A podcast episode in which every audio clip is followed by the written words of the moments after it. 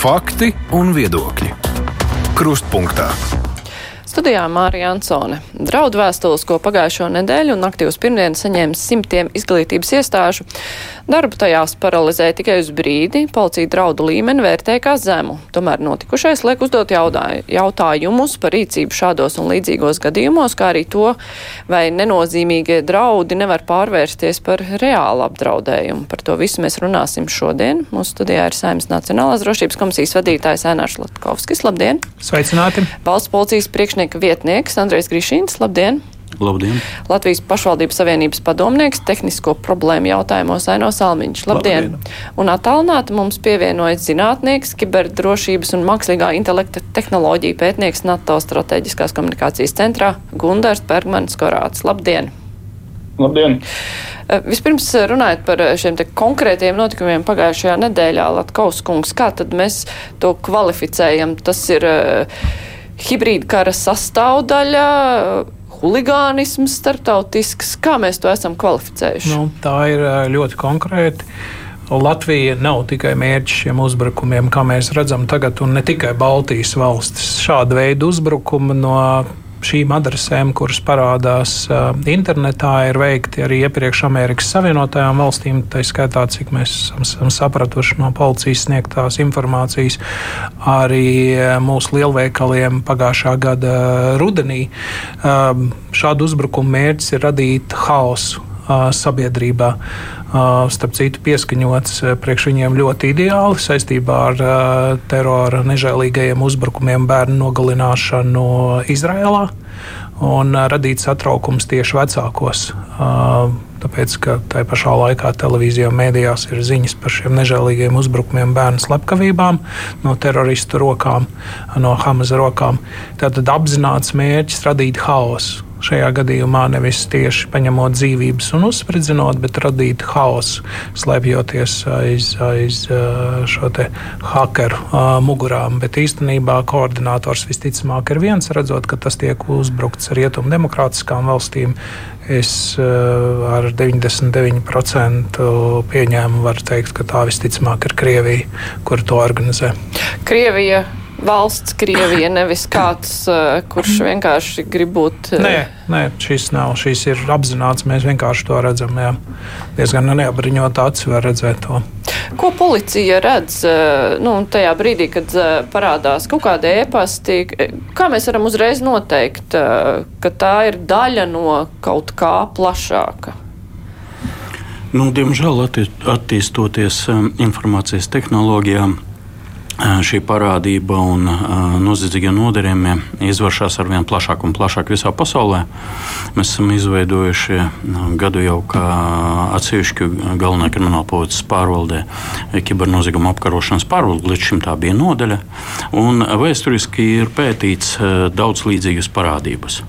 Un šādi noziedzīgi nodarījumi, ar kuriem mēs saskārāmies pēdējās dienās un nedēļās, nebūtu nav pirmais izaicinājums.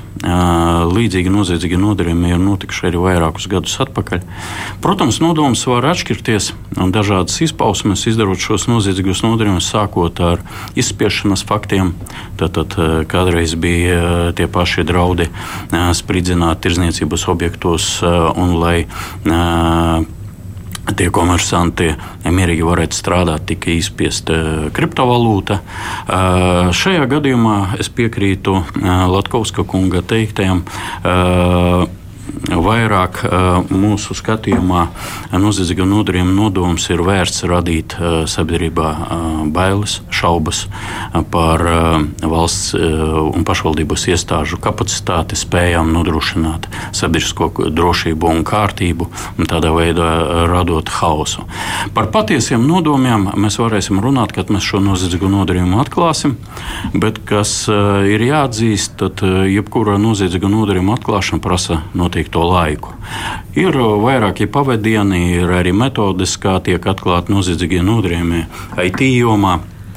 Un, kas attiecās uz Eiropas Savienības dalību valstīm, zem Eiropola jumta ir izveidota sistēma ātrai efektīvai informācijas apmaiņai 24 stundas, 7 dienas nedēļā. Jebkurā nakts, diennakts laikā mēs varam uzzināt mums nepieciešamos datus, kas saistās ar, ar mūsu izmeklējamo objektu. Protams, pastāv tiesiskās regulējums atšķirībās dažādu valstu starpā, un nevienmēr tas krimināla tiesiskais sadarbības modelis strādā. Ja īpaši mēs runājam ar nedraudzīgajām pašlaik Latvijas valstīm. Un šeit krimināla tiesiskā sadarbība varētu būt apgrūtināta. Jā, bet runājot par šīm pagājušās nedēļas vēstulēm, pēc kādām pazīmēm jūs noteicāt, ka tas ir tas pats, kas ir kādreiz bijis vērsts pret ASV, Poliju? Kā, kas tur ir kopīgais? Tas ir Kā mēs zinām, ka tas ir tas pats uzbrucējs? Nu, šis ir krimināla izlūkošanas jautājums, ko es jau teicu. Viņš jau noteiktais vēsturisks, un kad parādās līdzīga kaut kādas pazīmes, mēs jau veicam kriminālu izlūkošanu ne tikai kas attiecās uz konkrēto individuālo gadījumu, bet kopsakarībā. Ir osinta izlūkošanas iespējas internetu vidē. Tātad, vērtējot visu šīs likumības, likumsakarībos mēs arī izdarām secinājumu. Ienākot signālam valsts policijai par uh, iespējamu apdraudējumu objektu, kas saistās ar spridzināšanas apdraudējumu, iekšlietu ministrijai pamatojoties, uh, valsts policijai pamatojoties uz iekšlietu ministrijai arī iekšējo instrukciju, ir izstrādātas vadlīnijas. Mēs pie viņām diezgan rūpīgi un ilgi strādājam, jo jau vairākus gadus atpakaļ mēs uh, sapratām, ka šī problēma ar vienu augs vairumā un pieiet pēc veciem standartiem, kā par jebkuru paziņojumu par iespējamo apdraudējumu mēs vienkārši mehāniski veicam evakuāciju, izbrauc, glāba, izbrauc policija, sapieri un objekts tiek apsekots. Tas, tas nav pareizs risinājums. Katram, katram riskam ir jābūt riska izvērtējumam, novērtējumam un atbilstošai rīcībai. Un, ja arī ir uh, reāli, reāls apdraudējums dzīvībai un drošībai, tā rīcība, ko noteiktai institūcijai iestādēji vajadzētu darīt, viņa arī var atšķirties. Jo, jo cilvēki, kas plāno noteikto vēršanos, nevēlos pieminēt teroristiskos draudus, tie risinājumi un vēršanās var būt dažādi. Tādēļ, ka viņi zina, ka iestāde vai policija var rīkoties, un tieši iespējams viens otrs ir arī būtu gandarīts, lai panāktu to rezultātu, lai, pieņemsim, notiktu evakuācija un cilvēkus izvest vēl apdraudošākā situācijā. Katrs gadījums ir individuāls. Jā, nu par risku izvērtējumiem mēs vēlāk runāsim. Man ir jautājums Bergmaņa Korāta kungam par iespējām noķert noziedzniekus, kuri, kā mēs esam dzirdējuši, ļoti labāk slēpties. Viņi tehnoloģijas ziņā varbūt nu, vismaz cenšas iet soli priekšā tiesību sargājošajām iestādēm. Nu, cik viegli ir tādus noziedzniekus identificēt un noķert arī tīri fiziski? Kā tas pasaulē vispār, kāda prakse ir pasaulē ar to? Jā, nu, jāsaka, ka ļoti grūti ir šo tēmu, ļoti grūti teiksim, skaidrot, izskaidrot, cik, cik viegli ir noķert, jo tur jā, tas atkarīgs tieši no izmantotās taktikas. Un, un ir ļoti grūti komentēt konkrēti tieši šos gadījumus. Tur jāskatās tieši šie, šī, šī izmantotā taktika, kas tika izmantota, kāda, kāda tipa infrastruktūra tika izmantot, lai šādu tipu e-pastus nosūtītu. Un, un, un, un tad ļoti bieži šādus, šādus cilvēkus, kas aiz šīm kampaņām stāv, var notvert tieši balstoties uz dažādām pieļautām kļūdām, kas pēc tam izgaismojas dažādos atvērtos avotos. Uh, un, un tam līdzīgi. Tā kā uh, atkarībā no taktikas, um, ja, ja, ja tur ir organizēts grupējums, kas stāv aiz šāda tipa noziedzīga nodarījuma, tad, uh, tad bieži vien to ir ļoti grūti izdarīt, jo tehnoloģiski spēja slēpties arī eksistē un, un izmantojot dažādus toru tīklus, toru infrastruktūras, dažādas, dažādas slēptās IP adreses un tam līdzīgi. Bet nu, šo no mūsu centra viedokļa mēs to nevaram īsti komentēt. Bet, nu, kas ir tie, nu, tie izplatītākie veidi, kā šādi noziedznieki mēģina slēpt savas pēdas? Nu, kā jau es minēju iepriekš, tas ir uzdodoties par, par neīstām personām, izmantojot dažādu, dažādu infrastruktūru, kas, kiberinfrastruktūru, kas atrodas citās, citās valstīs, slēpjot savus īstās IP adreses, izmantojot šos tortīklus un tam līdzīgi. Bet, eh, nu, ja, piemēram, tam visam eh, ir kājas aug kaut kur Krievijā, ja tie cilvēki, piemēram, atrodas Krievijā vai kādā citā nedraudzīgā valstī, mums vispār ir iespējas eh, tam visam tikt klāt, vai mēs varam arī gal galā palikt, nu, nekad neatklājot šādu veidu uzbrukums un to, kas aiz tā stāv. Jā, to es, diemžēl, nevarēšu komentēt. Tas atkarīgs arī tieši no izmantotās taktikas, kas ir arī certa, certa kompetencijā un, un tiesības sargošo tiesību kompetenci.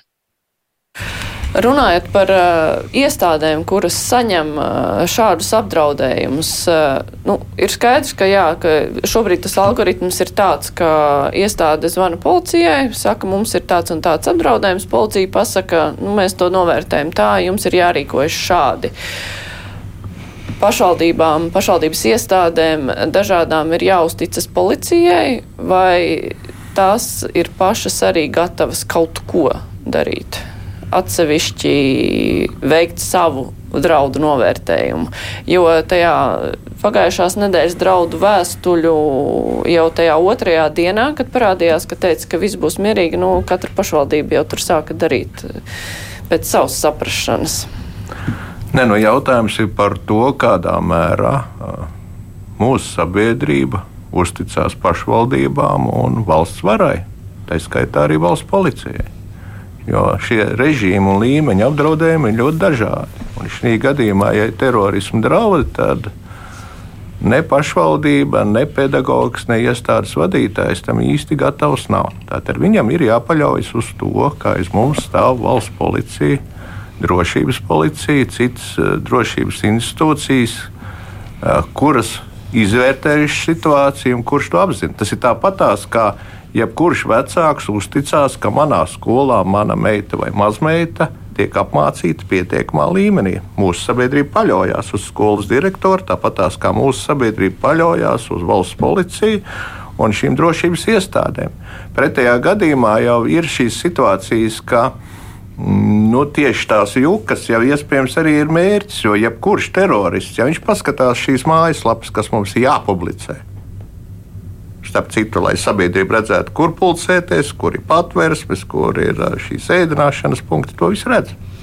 Un Grīšana kungs jau pieminēja, nu var, varam mēs tos bērnus izmānīt ārā pie skolas, tajā pulcēšanās vietā un sasniegt pilnīgi pretēju efektu. Tā kā šeit, šeit ir šīs paļaušanās iespējas, taču tajā pašā laikā es gribu uzsvērt, piemēram, arī to jēkapils uh, plūdu variantu, kurā uh, pašvaldības vadītājs neskatījās uz instrukcijām un reaģēja. Un ir lietas tādas, ka krīzes savā starpā nekad nav vienādas. Viņas nekad neatkārtojas. Arī šie civilās aizsardzības plāni, kas ir taisīti tipveida, nereti ārpakalpojumos, jo nevienmēr mēs to profesionāli varam uzrakstīt, gan arī lielie valsts plāni pietiekami ne, tāda viļņveidīga un nav, nav, nav pilnvērtīga informācijā. Pie viņiem jāstrādā un jāmaicās, tāpēc ka tās krīzes ir atšķirīgas un viena plāna arī nav. Tā kā es domāju, ka arī es gribu vienu lietu pateikt gan, ka mūsu sabiedrībā visbīstamākais ir tas, ka mēs šos pienākumus skatāmies pēc kaut kādām metodikām un izpildu rakstiem un kaut kādiem cietiem plāniem. Manuprāt, ka kādreiz darbība ir daudz noderīgāka nekā bezdarbība saskaņā ar piedāvāto metodiku. Mēs esam ļoti iemācījušies neatbildēt. Tā gan ir taisnība. Un šī gadījumā arī šo skolu izvērtējumu nu, mēs nekad nevaram būt droši, ka kādā no skolām tomēr tam direktoram būtu jārēģē. Un arī tās skolas, kas, tie direktori, kas rēģēs, viņam absolūti nepārmet. Bet tagad ir saņemta tā informācija, nu mēs paļaujamies. Nu, tā ir tā, tā, ir tā krīžu vadība pašlaik. Jā, ja drīkst, es pilnīgi mm -hmm. piekrītu. Uh, neviens nevienam nav liedzis pielietot veselo saprātu. Galu galā var būt pazīmes, kas liecina par to, ka konkrētajā skolā vai konkrētajā tiesā tiešām atrodas kaut kas bīstams, sprādzienu bīstams. Līdz ar to iestādes vadītājam ir jāpielieto arī veselais saprāts Ne visur algoritms var palīdzēt, bet algoritms ir, protams, ļoti laba lieta, un pie tā noteikti būs jāstrādā. Un to, ko Grišina kungs teica, es varu apliecināt, ka policija no savas puses gadiem strādājot ar šādiem draudiem, daļai izspiešanas, daļai huligānisms, ir sapratusi, kur un kāpēc jārēģē, un šis algoritms ir izveidots, bet šajos masveida e-pastos ar draudiem mums mazliet pazūd tā otra daļa, lai saprastu, kādā veidā reaģēt un uh, skolām un, un, un iestādēm, kuras saņem šos draudus. Līdz ar to šis ir tas manā skatījumā, kur vēl būtu jāstrādā. Nu, kaut vai vienkārši atšķirība ugunsgrēka gadījumā skolnieki dara šo skolotāju, bet vai ja ir sprādzienu bīstamība, vai tas būtu pareizi visiem pulcēties pagalmā vienā vietā. Šīs ir lietas, kas ir ļoti ātri sakārtojums, ko visticamāk arī uh, izdarīsim, bet uh, veselais saprāts to neviens nevienam nav uh, pateicis izslēgt ārā. Tas ir pirmkārt, un pēc tam jau ir algoritmi. Bet nu, tas risku novērtējums, draudu izvērtējums, cik tas ir reāli. Nu, tas, ka tiek izsūtītas simtiem vēstuļu, simtiem skolu to ir saņēmušas, vēstuli vēl ir sūtīta no ārzemēm, tas ir tas, kas pazemina šo draudu līmeni vai var vēl kaut kā novērtēt, ka tur apakšā nekā tāda nav? Uh, Šī risku izvērtējuma ir daudz dažādu apstākļu kas tiek ņemts vērā un faktoru, sākot ar vispār riska novērtējumu valstī saistībā ar terora draudiem. Bet es par šo tēmu visticamāk dziļāk neiedziļināšos, jo to, šī ir tomēr aizsargājama informācija un aizsargājama informācija mūsu visas sabiedrības labā. Ja mēs runājam par Dažādi eh, iestādes ir dažādas. Dažādas institūcijas saņem uh, līdzīgus um, izaicinājumus. Uh, kā piemēru vēl, vēlos minēt tiesas. Uh, tiesas periodiski uh, saņem līdzīgus apdraudējumus par, iespējamo, par iespējamiem spridzināšanas draudiem. Bieži vien dažreiz tas notiek saistībā ar tiesas izspriežamo jautājumu konkrētai vai krimināla lietā vai civila lietā. Bet tas dažādi. ir, tā, tas ir, ka pienāk Un, no viena avota tā informācija, ne, tas ir mēs citādā. vērtējam katru gadījumu, katru zvanu atsevišķi. Un tiesas administrācija saskārās ar šo problēmu tiesa administrācija izstrādāja arī eh, tiesām vadlīnijas, kā rīkoties, jo būtībā katra institūcija ir kaut kāds īpašs, īpašs pazīmes. Tad, tad vai objekts tiek apsargāts, eh, kā viņš tiek apsargāts, vai tur ir uh,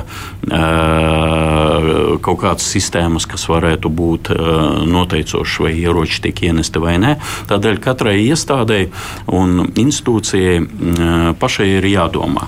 Kas attiecās uz izglītības iestādēm, pilnīgi piekrītu šeit šeit vēl daudz kas ir darāms, un arī uh, jau iepriekšējā nedēļā notika arī attālināta komunikācija ar izglītības nozares amatpersonām. Un, nu, šeit mums kopīgi ir jā, jāpieliek pūles, lai izstrādātu pareizu algoritmu, kā, kā pareizi būtu rīkoties katrai skolai vai bērnu dārzam, atkarībā no tā, kāda riska informācija ienāk. Bet, eh, nu, nu labi, mēs saskārāmies ar to, ka skolām tika sūtīti ēpasti. Uh, trīsreiz tika sūtīta e-pasta, nu, kas plašāk ir izskanējis. Ir bijis uh, uh, droši vien arī tie citi gadījumi. Atkal jautājums Bermaņa Korāta kungam, nu, ja kāds gribēs mūs terorizēt, nu, tā ļoti masveidā un varbūt ar izdomu, teiksim, novēršoties no skolām, paņemot kaut ko citu, nezinu, slimnīcas, pašvaldības iestādes, varbūt uh, domājot par kaut kādu svarīgu infrastruktūru. Nu, cik viegli to ir norganizēt? Uh, Nu, ja gribās vienkārši tā, labi, tur, teiksim, nebūs kaut kāda īsta spridzināšana, bet vienkārši turēt mūsu nemitīgā trauksmē. Nu, cik, vai mums ir jārēķinās ar to, ka tā ir tā jaunā realitāte, ka mēs vienmēr varam būt kādam kibernoziedzniekam uz grauda? Nu, jāsaka tā, ka ne tikai kibernoziedzniekiem, bet uh, kopumā visiem dezinformatoriem, jo dezinformatori un kiber, dezinformācija un, un dezinformācijas kampaņas kopumā kopā ar šiem kibernoziegumiem, kiberuzbrukumiem. Tas ir liels biznes, tur iesaistīts ir šīs PR kompānijas, dažādi maksas influenceri, ietekmeļi, dažādi viltus maksas eksperti un, un tam līdzīgi. Un, un izplatīt šo informāciju jau polarizētā vai nokaitētā e, sabiedrībā ir, ir diezgan, diezgan, diezgan vienkārši. Un, un, un, un tā tad šie, ja skatās plašāk no šo dezinformātoru puses, tad šāda ideoloģiskā informācijas sagrozīšana un šaubu sēšana tomēr palīdz šādos kiberuzbrukumos sasniegt dažādas, dažādas šīs auditorijas. Un, kā jau kolēģi arī iepriekš minēja, protams, mērķis ir radīt bailes, sēt hausu, un pats galvenais ir mazināt uzticību valstī, sabiedriskiem mēdījiem, un, un, un, un, un, pats, un, un vēl svarīgs, svarīgs aspekts ir, ka valsts tērē nemitīgi savus resursus. Tādēļ, tādēļ šie, šie kibernoziedznieki un, un dezinformatori izmanto šo kā platformu, lai spēlētos ar cilvēku šīm kognitīvajām tendencēm Un, un, un tehnoloģija, kā kibertelpa, šeit arī spēlē šo spēku palielināšanas lomu, šo e-pasta izsūtīšanu no dažādām e-pasta e adresēm, dažādām IP adresēm. Protams, rada, rada cilvēkos bailes, un tas pats svarīgākais šeit ir neignorēt šīs novērotās tendences, domāt par ilgtermiņa risinājumu, kā jau arī kolēģi minēja iepriekš, par algoritmu izstrādi, un pats galvenais šeit ir jādomā arī par proaktīvu komunikāciju, jo aktīvs un regulārs dialogs ar sabiedrību un sabiedrības izglītošana par riskiem ir ļoti svarīgs šādās, šādās, šādās situācijās. Un ne tikai izstrādāt algoritmu, bet arī šo algoritmu pielietot kā treniņu dzīvē, veidot šos dažādas treniņus, iesaistot šo izglītības, izglītības iestāžu vadītājus, izspēlēt dažādus scenārijus. No angļu valodas tas būtu kā wargaming. Apmēram, kad mēs izspēlējam dažādus scenārijus, veidojam dažādas platformas, kur mēs sanākam kopā, tiesības sargošās iestādes ar, ar dažādām, dažādām organizāciju institūciju vadītājiem, tad izspēlējam dažādus šos scenārijus. Un tas arī būs viens no, viens no veidiem, kā nodrošināties pret, pret kā nodrošināt sevi ar pareizu rīcību dažādās krīzes situācijās. Un jā, jāņem vērā ir tas, ka šāda, šāda tipa šāda tipa agresoru valsts, teiksim, ja, ja, ja to tiesību sargājušās izstādes pierādīs, ka šis nāk no šie, šāda tipa uz, uzbrukumi ir veikti agresoru valsts, teiksim, šie ir, ir organizēti no agresoru valsts puses, tad ir jāreikinās, ka mums jāprot un jāzina, kā rīkoties un jāiesaist sabiedrība un jābūt proaktīviem savā rīcībā. Bet tajā pašā laikā, nu, teiksim, labi, ja mēs tiekam pakļauti no uzbrukumiem, nu tā viens pēc otra nemitīgi. Sabiedrība nogurst. Nu, mēs varam vai nu reaģēt, mēs varam vai nu nereaģēt. Nu, respektīvi pieņemt, ka tas nav nekas. Un, bet varam visu laiku kaut kā aktīvi reaģēt. Tad uh, tur ir vēl kaut kāds vidusceļš, nu, teiksim tā, lai mēs varētu uzskatīt, ka, uh, jā, ka mēs esam adekvāti saskārušies ar šo draudu un, ja nu kas, tad būsim gatavi. Nu, ļoti daudz dažādas indikācijas norit digitālajā vidē. Digitālā vide, kas reflektē gan dažādas kognitīvās, kognitīvās tendences, gan arī reflektē dažādas kinetiskās aktivitātes, kas fiziskās aktivitātes. Un, un, un šajā digitālajā vidē ir, ir jāveic aktīvs, aktīvs monitorings, lai identificētu šādus, šādus indikātorus, kas ļautu laicīgi noteikt, vai aiz tā stāv kāda koordinēta aktivitāte, tāpat, ka tas notiek dezinformācijas kampaņās, vai arī tas ir kādas marginālas grupas organizēts, organizēts notikums, vai noziegums, kas visticamāk tiks organizēts kādā kriptētā, kriptētā saziņas platformā, kas šādas informācijas vidas monitoringa analītiķiem nebūs pieejams. Bet, nu labi, tad mēs redzam, ka var tur izsūtīt vēstules, var sēt šaubas un paniku, bet, nu, teiksim tā, vai cik strauji attīstās kaut kādas jaunas idejas, kā ieriept, vai tam arī kaut kā var izsakot uz priekšu un zināt, ko sagaidīt tādu jaunu, ko mēs neesam vēl redzējuši? Nu, tas jaunākā, jaunākā tendence, ko izmanto, tad, tad, tas, ko es minēju, ir tās skriptētās saziņas vietnes, un otra lieta ir izmantot šie ģeneratīvie mākslīgie intelektu modeļi, ko izmanto Vāgnera atbalstītāji Āfrikā, teiksim, izmanto dažādas arī tekstu ģenerēšanas iespējas, gan arī, gan arī attēlu ģenerēšanas iespējas. Tie, tie paši Baltijas antifašistu telegram kanāls izmantoja šos mākslīgi intelektu ģenerētus attēlus, lai, lai tādā veidā diskreditētu konkrētu sabiedrības grupu. Neminēšu sīkāk par šo konkrēto gadījumu, bet nu, tendence tāda ir. Un, un tātad šīs, šīs tehnoloģijas izmantot gan gan satura radīšanai, gan balss klonēšanai, ko var izmantot, lai radītu haosu, veiktu viltus zvanus, kas ir arī kiberdrošības lauciņš, tad, tad šāda tipa, šāda tipa uzbrukumi ir, ir viena no tuvās nākotnes un šodienas realitātēm. Bet nu, tas viss ir vērsts uz to, lai sētu haosu, neticību valsts iestādēm un tam līdzīgi. Bet vai ir jābažījās par to, ka tas var būt ne tikai haosa radīšanai, bet, eh, nu, teiksim, kaut kas, kas var nodarīt patiešām kaitējumu cilvēku veselībai un dzīvībai. Nezinu, kaut ko ļoti kritisku apstādināt, eh, piemēram, kas jau mums tēt arī, nu, digitālajā vidē tiek vadīts ļoti daudz kas.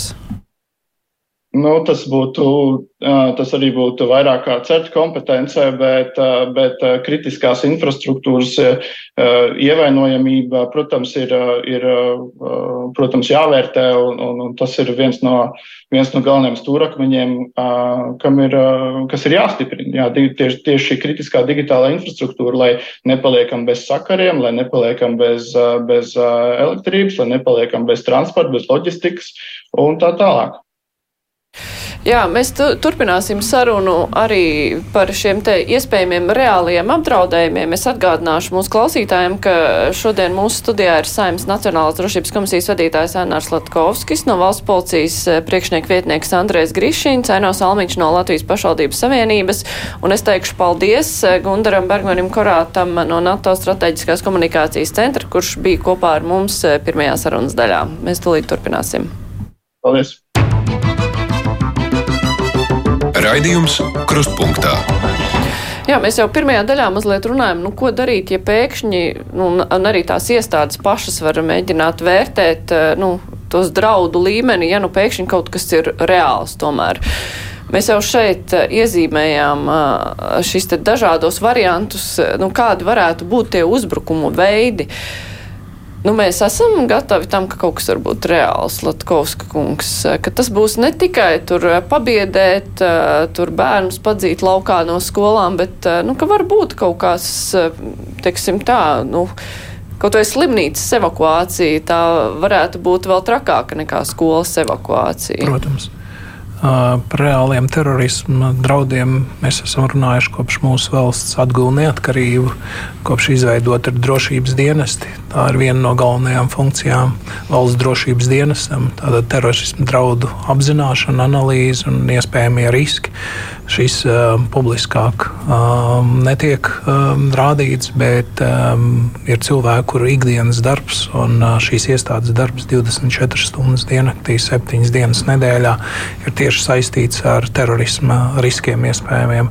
Tā kā šis nav kaut kas jauns, tas nenozīmē, ka pie mums šādas lietas nav notikušas, bet mēs vienmēr esam gatavi, jo ar Latvijas izvēli iet rietumu brīvās pasaules demokrātijas ceļu mēs apzināmies to, ka tie cilvēki, kuriem Uh, kuru brīvību un demokrātiju uzskata par apdraudējumu sev, vienmēr mēģinās izmantot visas līdzekļus, tā skaitā terorismu, ko parāda pasaules pieredze.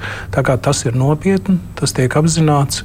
Ir arī regulāri ziņojumi tieši par terorismu riska draudiem, kurus um, noteiktai amatpersonu grupai ir jāiepazīstās arī tā skaitā politiķiem, kur atbild par šo sfēru, tā skaitā arī man.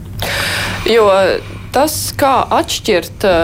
Tā ir tikai vēstule, bet tas ir īsts draudz. Mums arī klausītāji raksta, nu, ka tas ir tas, kas nu, cilvēks arī visvairāk satrauc. Jo Eh, klausītājs vaicā, nu, kāpēc ir tik švaka publiskā komunikācija šādiem draugiem? Satraukumam nav pamata, ir absolūti, viņa prāt, visneproduktīvākā frāze, jo tur jau tā lieta, ka satraukums jau ir un vaininieki savu ir panākuši. Cilvēki jūs nav jāpatronizē ar tukšām frāzēm, bet gan jāiedrošina, jāizglīto, kā rīkoties šādās situācijās. Nu, teiksim, tā tā komunikācija. Uh, nu, ko mēs varam vēl cilvēkiem izstāstīt bez satraukumam nav pamata? Ja drīkst vienu lietu pirms vēl Grišina kungs atbild, tad vakardienas piemērs arī ar draudiem, ja pirms tam iepriekšējās dienas vispirms sociālos tīklos varēja izlasīt par šiem draudiem no cilvēkiem, kas ar to saskārās vai ieskāžu vadītājiem, tad vakardien pirmā ziņa par draudiem un to, ka šo draudu līmenis ir zems, tieši sekoja no valsts policijas. Twitterī un citos sociālos tīklos, kas bija ļoti trāpīgi, ļoti pareizi, un cilvēki dalījās ar to precīzi. Nu, tas ir tas veids, ko mēs, nu, protams, mācāmies. Policija arī mācās, bet tas ir tas veids, ka viņi pirmie iznāk un, un ziņo par šo. Protams, Viņi nevar no vienas ziņas, viņiem ir jāsaprot, vai šis ir viens atsevišķs gadījums, un tiek veikta arī analīze. Nav apmēram tā, ka atmet roku, vai šis ir tas pats, kas vakar bija, kā Grišņkungs teica. Strādā grupa cilvēku ar šo jautājumu pēc speciāla algoritma, un viņi izvērtē, bet tas ir ļoti labi, ka pēc tam tikko ir izvērtējums, zibenīgi ir ziņa arī sociālos tīklos.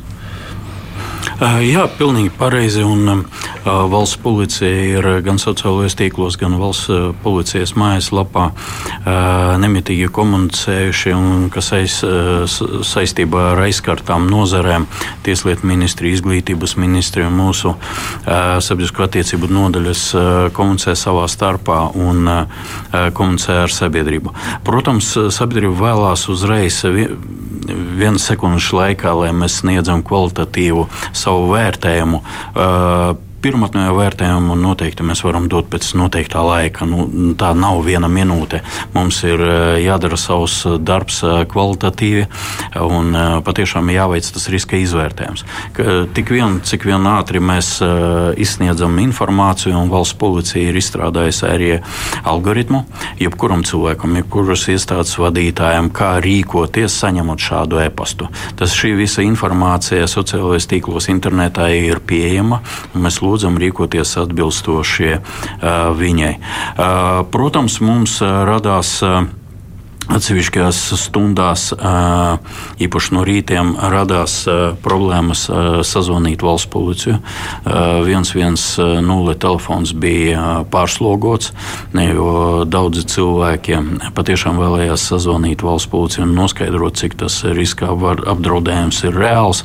Bet tā pašā laikā paralēli mēs strādājām ļoti aktīvi sociālajos tīklos, izplatot šo informāciju.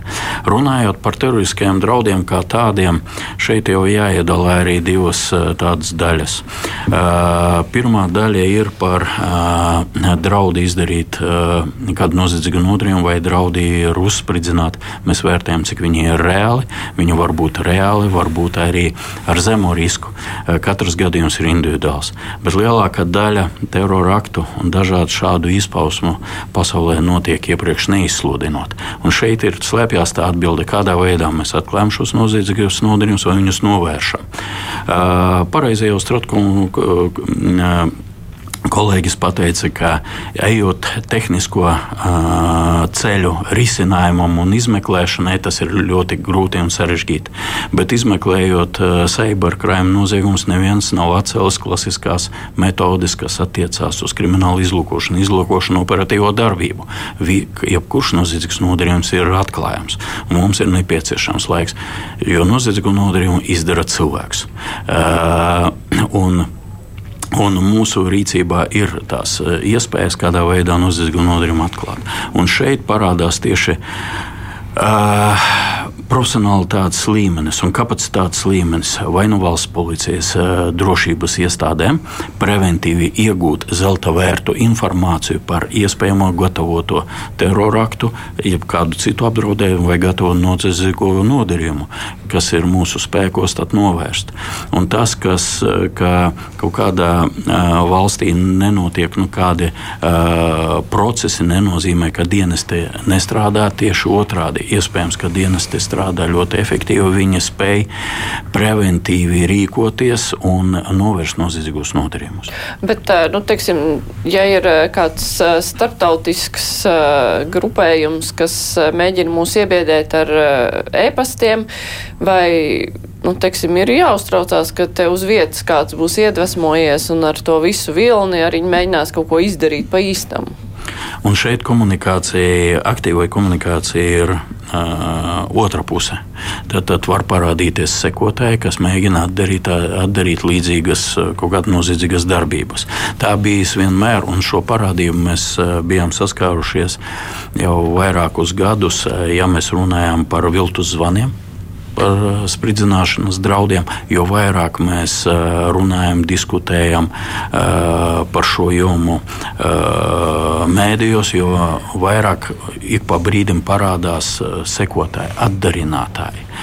Un, tādēļ ir jābūt ļoti uzmanīgam un šeit ir jāprot rast balansu starp sabiedrības informēšanu un informēšanu tādā veidā, lai neveicinātu un nedarītu gandarījumu tam nodarījumu izdarījušai personai, kura šos ēpastus izsūtīja. Viņš redz, ka viņš panāk savu rezultātu, jo mūsu sabiedrība nokļūst kaut kādās bailēs, sabiedrības temperatūra ceļās augšā un tāds, viņš attīsta savu noziedzīgo rīcību. Mums ir jāspēj komunicēt lietišķi, uh, emocionāli nosvērti, runāt par jautājumiem, kas saistās ar mūsu drošību, pareizo rīcību, bet nekādā gadījumā mēs nedrīkstam parādīt uz āru sabiedriskajā komunikācijā, ka mūs pārņem bailes vai kaut kāda neuzticēšanās viens otram un, un valsts iestādēm. Un, nekas cits neatliek par ko mēs runājam par jautājumu pirmajā raidījumā daļā, vai uzticēties valsts policijai, valsts drošības iestādēm. Ir jāuzticas. Ja mēs neusticamies, tad mēs pakļaujamies papildus riskam un Cits jautājums, ka patiešām valstī jārūpējas par to, lai drošības iestādes, valsts policija būtu ar atbilstošu kapacitāti noklāpēta ar profesionāliem darbiniekiem un arī tiktu investēts un attīstīts, kas saistīts arī ar kiberdrošību. Pašlaik, protams, mums būtu jautājumi, kas būtu nepieciešams attīstīt valsts policijā, lai mēs efektīvāk varētu izmeklēt šos noziedzīgus nodarījumus, bet pēdējos gados ir daudz kas investēts šajā jomā. Ja drīkst, mēs šeit cīņā neesam vieni. Nu, publiskāk ir zināms, ka bez mums arī Lietuva, Igaunija un Polija ir uzbrukuma mērķis šāda veida ēpastiem, hausa radīšanai, iebiedēšanai. Un ar iekšlietu ministru Kazlausku atļauju es varu informēt, ka tieši Latvijas policijas piedāvājums šim trim valstīm izveidot kopējo tā saucamo task force. Tādu grupu, kas strādā pie šo jautājumu, koordinētas izmeklēšanas, mēs liekam resursus kopā. Latvija bija tā, kas ierosināja šādu veidu grupu izveidot. Tā kā šai cīņā mēs neesam vieni. Kā jau teicu, man ir aizdomas par konkrētu valsti, vismaz viņas ieinteresētību šāda veida uzbrukumiem mums, kas ir daļa no hibrīda kara bet, bet mēs neesam vieni. Mēs esam kopā ar citiem. Nu, labi, tāda laba komunikācija starp institūcijām, ar sabiedrību, tas atrisinātu daudz ko, lai neradītu haosu. Bet, ja ir īsts apdraudējums, vai tad tie rīcības algoritmi arī ir skaidri pilnīgi visiem un visam? Nu, šie lielie plāni, gan valsts civilās aizsardzības plāni, gan bīstamo objektu plāni, tā ir vēl viena kategorija. Un trešajā tā pašvaldību civilās aizsardzības plāni jau šajos etapos ir izdalīti. Tātad, eh, no tā viedokļa lielās līnijās, jā, bet kā jau es teicu, krīzes nav vienādas. Un vienmēr būs korekcijas. Bet par lielām kurā brīdī tā secībai jārīkojas, tas ir atrunāts arī komunikācijas sadaļā. Man patika, ka Grišņkungs teica ar Latvijas kungu, tai ticībai jābūt no pirmās personas, taču tajā pašā laikā ir jābūt šartiņiem, piemēram, skolu gadījumā, amatpersonām, vecākiem, jo vecāks par savu bērnu rūpēsies tik un tā, un, un tas jau ir jādara daudz mierīgākā veidā. Jā, mums ir jāpaļaujas, ka mūsu šī situācijā, nu, teiksim, šādā situācijā ir ielas spridzeklis. Mēs paļaujamies, ka ir glābējs.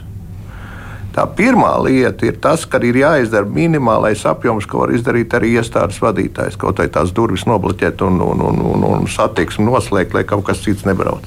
Jo vistrakākais variants ir tas, ka es atceros, ka 5 gadu atpakaļ Stradiņos bija bumba nolikta, 5 vai 6 gadu atpakaļ, kurā uh, vislielākā kļūda bija šo dienestu pārcentība un nekoordinācija. Tā ir tā nelaime, kas faktiski zināmā mērā arī satrauc pašvaldības, jo Nu, šis civilās aizsardzības un katastrofu pārvaldības likums ir ar ļoti daudzām atbildībām, ļoti daudzām kompetencēm, ar pilnīgi jaunu domāšanu, ka finanšu līdzekļi piesaistām izjūt no riska novērtējuma. Un, un te sākās. Neviens tajā jaunā politikā klapatu neparedz. Un tā ir tā niansīte, kas mūs bremzē, jo mēs nevaram samaksāt par drošību. Tur miljardus vajag. Bet šī situācijā ir daudzas lietas, ko mēs varam darīt kopā, kaut vai, nu, piemēram, kapitāla sabiedrības. Ja mēs nefinanšu mērķos iestrādājam civilo aizsardzību, jo, piemēram, piemērs, lai man neapvainojās privātie komersanti, nu, tomēr kritiskā infrastruktūras daļā privātās struktūras no Kijavas pazuda, izņemot pašvaldības uzņēmumus. Un tajā pašā laikā mums ir jārunā gan par šo Jo tas pirmais blieziens, piedodiet, pa vulgārismu ir uz tiem kritiskiem objektiem, tā ir tā pašvaldības galvenais uzdevums. Ja? Nodrošināt cilvēku ar pārtiku, evakuāciju, pakalpojumiem, kritisko infrastruktūru un visos citos gadījumos izjūt no tā apdraudējuma, piemēram, kara gadījumā, ja mēs esam atbalsts armijai. Tajā pašā laikā arī šīs sabiedriskā kārtība mums lēnām pāriet. Mums ir jāpaļaujas, ka tās struktūras strādā. Katrā līmenī ir citi nu, tie, tie darbības līmeņi. Tā kā, nu, es piemēram domāju, ka tā labā ziņa ir, mēs kritizējam visu šīs lietas par tiem plāniem, kas neatbilst. Viņi nekad ne arī neatbildēs. Arī tie militārās apdraudējuma plāni nekad neatbildēs, jo visu laiku mums ir jāattīstās. Kas ir labi? Labi tas, ka piemēram šīs apmācības kopā ar zemesargiem notiek ar pašvaldībām kopā, Namejas un Pilskalns. Tas ir tas reālais plāns. Tur mēs redzam, kas strādā, kas nestrādā. Tas nozīmē, ka mums e, nevis ir tā maklatūra vajadzīga vairāk, ko sauc par plāniem. Tā ir tikai iestrāde, bet ir mums vajadzīgs treniņš sadarbībā un koordinācijā. Tā ir tā nianses. Protams, nu, par cik te ir politiķi, nu, finanšu resursu piesaistes jautājums drošībai, par cik valsts ir pasludinājusi, ka iekšējā un ārējā drošība ir viena no pirmām prioritātēm, kā armijai mēs līdz 2027. gadam 3,5% no IKP, iekšējai drošībai 2,5%, tai pašai policijai. Nu, viņi ir jāstiprina tāpat kā pašvaldības policija. Tās ir tās struktūras, kas jādara. Bet uh, tas ir tas, par ko valsts kontrole runāja pirms gada, ka ir ļoti daudz institūcijas Jā. iesaistītas civilajā aizsardzībā, bet nav viens, kurš atbild par to visu. Nu, tas ir tieši tas, ja jūs lasījāt valsts kontrolas revizijas ziņojumu, tad viņi ļoti daudz atsaucās uz pašvaldību savienību. Jo mēs arī analizējam kopā. Ja, un, un, un, un, un tas, kas, uz ko mēs visdrošāk varam padoties šajās krīzēs, ir VUGD, valsts ugunsdzēsības dienas, starp pārējām, it sevišķi ministrijām. Eh, nu, piemēram, valsts civilās aizsardzības plāns radās uh, trīs ap pus gadus vēlāk, kā bija paredzēts termiņš. Problēma ministrijas neprot piesaistīt resursus. Viņas arī tagad nav gatavas to izdarīt. Tās ir tās lietas, par ko ir nopietni jādomā. Šī, šī nu, krīzes vadības centra izveide, mēs laikam esam pārdzīvojuši četrus uh, iekšlietu ministrus. Nu, tas krīzes vadības centrs, kuram būtu jābūt profesionālam. Tāpat arī šajā gadījumā, par ko mēs runājam pašlaik, par šiem hibrīdu draudiem Mums ir jābūt tādai ļoti nopietnai un ticamai analītiskai daļai, uz ko mēs varam paļauties. Tās ir tās lietas. Jā, es pilnīgi piekrītu, ka krīzes vadības centrs ir nepieciešams. Viss, kas mums ir bijis, plūdi un citas lietas. Mm. Pat tur, kur pašvaldības ir nostrādājušas perfekti, es uzskatu, kā Jēkabils gadījumā, mums ir nepieciešams valsts līmenī neliels, bet profesionāls krīzes vadības centrs. Nu jā, jo Covid laikā arī bija krīzes vadības, tas arī saucās centrs. bet, bet, saprotiet, ja piedodiet, bet tas, tas, tas bija kolektīvs bārdaks. Tas, nu, tieši tā, nevajag tas, vadīt tas, krīzes. Tas, tas, tas, tas pilnīgi cita veida. Tiešām ir tā, jā, kad sākumā runājot vispār par to, kādā veidā mums būvēt civila aizsardzību, protams, daudzas pašvaldības uzskatīja, ņemam Krievijas piemēru ar Tagad es pateikšu tos krievu burbuļus, MČS, jau ārkārtēji gadījumu ministrija ar savu gandrīz vai karaspēku un tā mm. tālāk. Tas nav ceļš, lai iet rietumu valsts, ja? bet tai pašā laikā vienu vadības bloku šo, par ko mēs runājam, un arī pašvaldības, tomēr ir nepieciešams tas parāda. Mm. Un tālāk jau ir būt, jābūt skaidrai atbildībai katrai institūcijai, katrai pašvaldībai, kā lemj. Bet nu, daudz pašvaldības ir parādījušas, ka viņi ļoti labi organizē civilās uh, aizsardzības komisijas, perfekti izprot tos uzdevumus, kas viņiem ir. Un, un, uh, Es uzskatu, mēs esam ar labu sākumu, bet mums ir jārada viena centrāla vienība, kur mēs varam visu savilkt kopā. Neliela, bet profesionāla. Valsts kontrole šo ziņojumu publiskoja pirms gada. Kāpēc nav iestrādņu? Jūs nezināt? ir iestrādnes jau iepriekšējais ministrs Kučinskungs iesāka un Kazlauskungs ir apsolījis turpināt. Tā kā ir piesaistīti, ir bijuši speciāla darba grupa izveidota, kur strādā ar šo. Mums klausītāji raksta tā, pieņemsim, ka ir reāls apdraudējums Uz kurien cilvēkiem doties? Vai blokmājas pagarbos? Kur doties skolāniem, ja viņi atrodas skolā? Par to vispār nav nekādas informācijas. Un tā, man liekas, ir tā esence no sabiedrības viedokļa, ka labi, mēs te apspriedām, kas notiek, ja ir šie te draudi eh, zemu līmeņa apdraudējums, bet ja ir tāds īsts kaut kāds apdraudējums, cilvēki tā arī gal galā nezina, kas viņiem ir jādara. Katra iestāde organizē evakuāciju.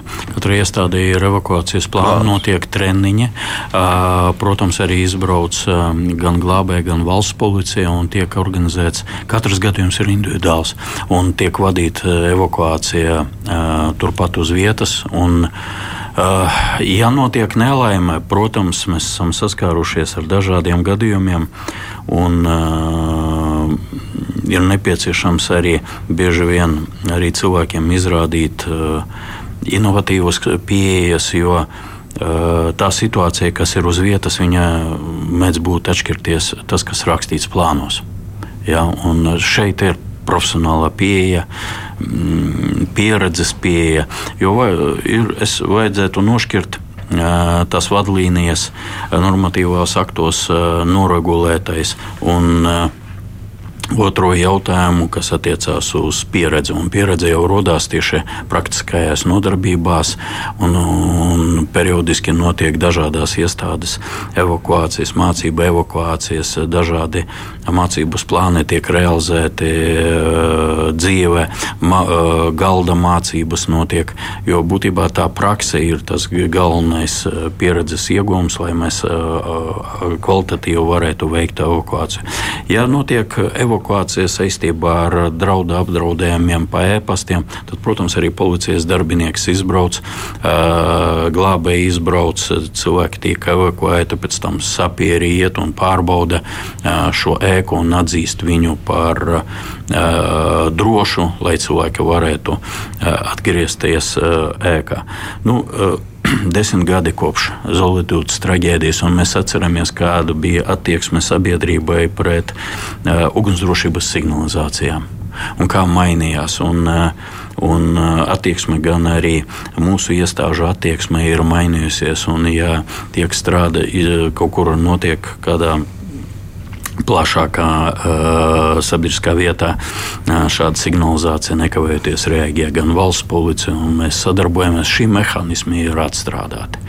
Jā, protams, ka šī jomā, kas attiecās uz uh, apdraudējumu saistībā ar spridzināšanu, ir daudz kas uzlabojams, ir daudz kas darāms, bet galvenais kopsakarība, nu, mēs esam gatavi tam. Mēs strādājam pēc noteiktās metodikas un tās vadlīnijas, ko mēs izstrādājam jau vairākus gadus atpakaļ liecina par to, ka mēs paredzējām, šo, ka šī problēma uh, tikai un vienīgi augs plašumā, un mums nav pamata uzskatīt, ka ar rītdienu viņa noslēgsies.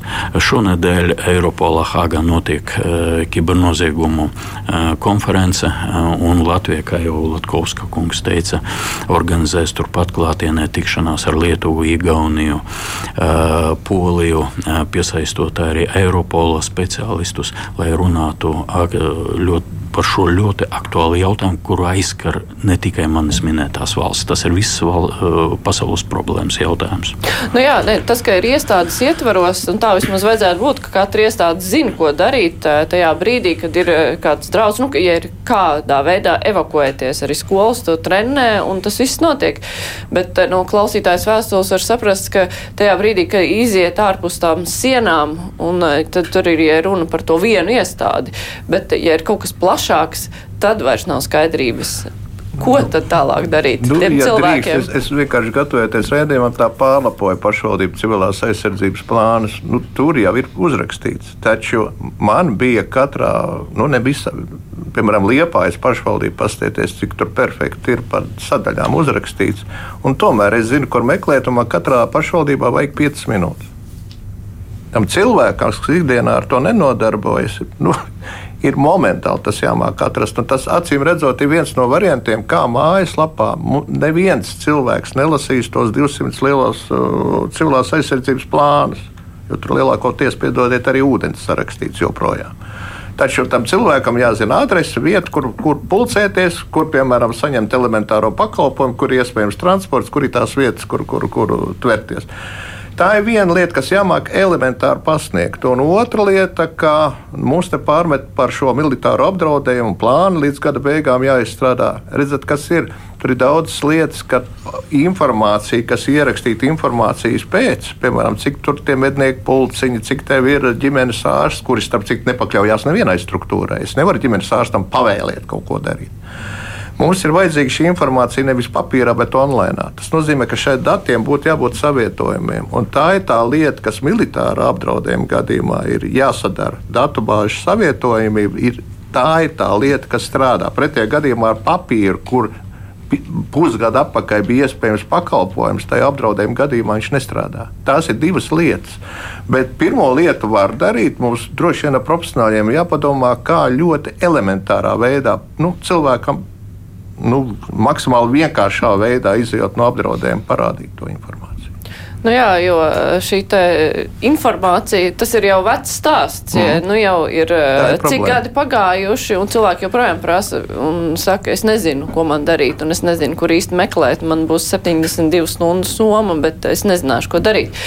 Bet, nu jā, tas ir atkal plašs stāsts, un vēl klausītāji ļoti uzstājīgi grib atgādināt, ka Rīgā visur nemaz nav dzirdams trauksmes sirēnas.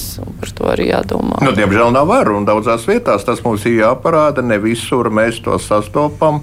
Mēs ļoti ceram uz šo šūnu apraides mehānismu, Jā. kas uh, iespējams nākamā gadā būs. Es domāju, ka tas būs viens no risinājumiem, ko ļoti ceram. Nu jā, bet nu, skaidrs, ka sliktajā lietā arī kaut kas labs. Uh, kāds atsūtīja mums uh, kiberkara apstākļos eh, daudz ēpasts, bet mēs sākām domāt par mūsu civilo aizsardzību atkal un atkal. Bet, nu, skaidrs, ka tas darbs eh, jau neapstājās, protams, bet uh, ir jāpasteidzina daudzas lietas. Es teikšu paldies. Šodien kopā ar mums studijā bija Saimnes Nacionālās drošības komisijas vadītājs Ēnārs Latkovskis, valsts policijas priekšnieka vietnieks Andrēs Grišīns un Latvijas pašvaldības savienības padomnieks tehnisko problēmu jautājumos Aino Salmiņš. Izstāstīšu vēl par rītdienas krustpunktā. Rīt mans kolēģis Aidis Tomsons ļoti svarīgu jautājumu runās par ēnu ekonomikas apkarošanu. Valdībā ir tas plāns, nu pagaidām gan um, tur ir mazliet iepauzēts uh, vienas problēmas dēļ, bet plāns trījiem gadiem, kā apkarot ēnu ekonomiku. Un tas, kas izraisīja sabiedrības sašutumu, bija tā jaunā prasība, ka vajadzēs visiem, nu gandrīz visiem deklarēt savus ienākumus. Un tur bija dažas nianses, ko tagad arī valdības pārstāvji uzskata par pārāk lielu birokrātiju attiecībā uz iedzīvotājiem.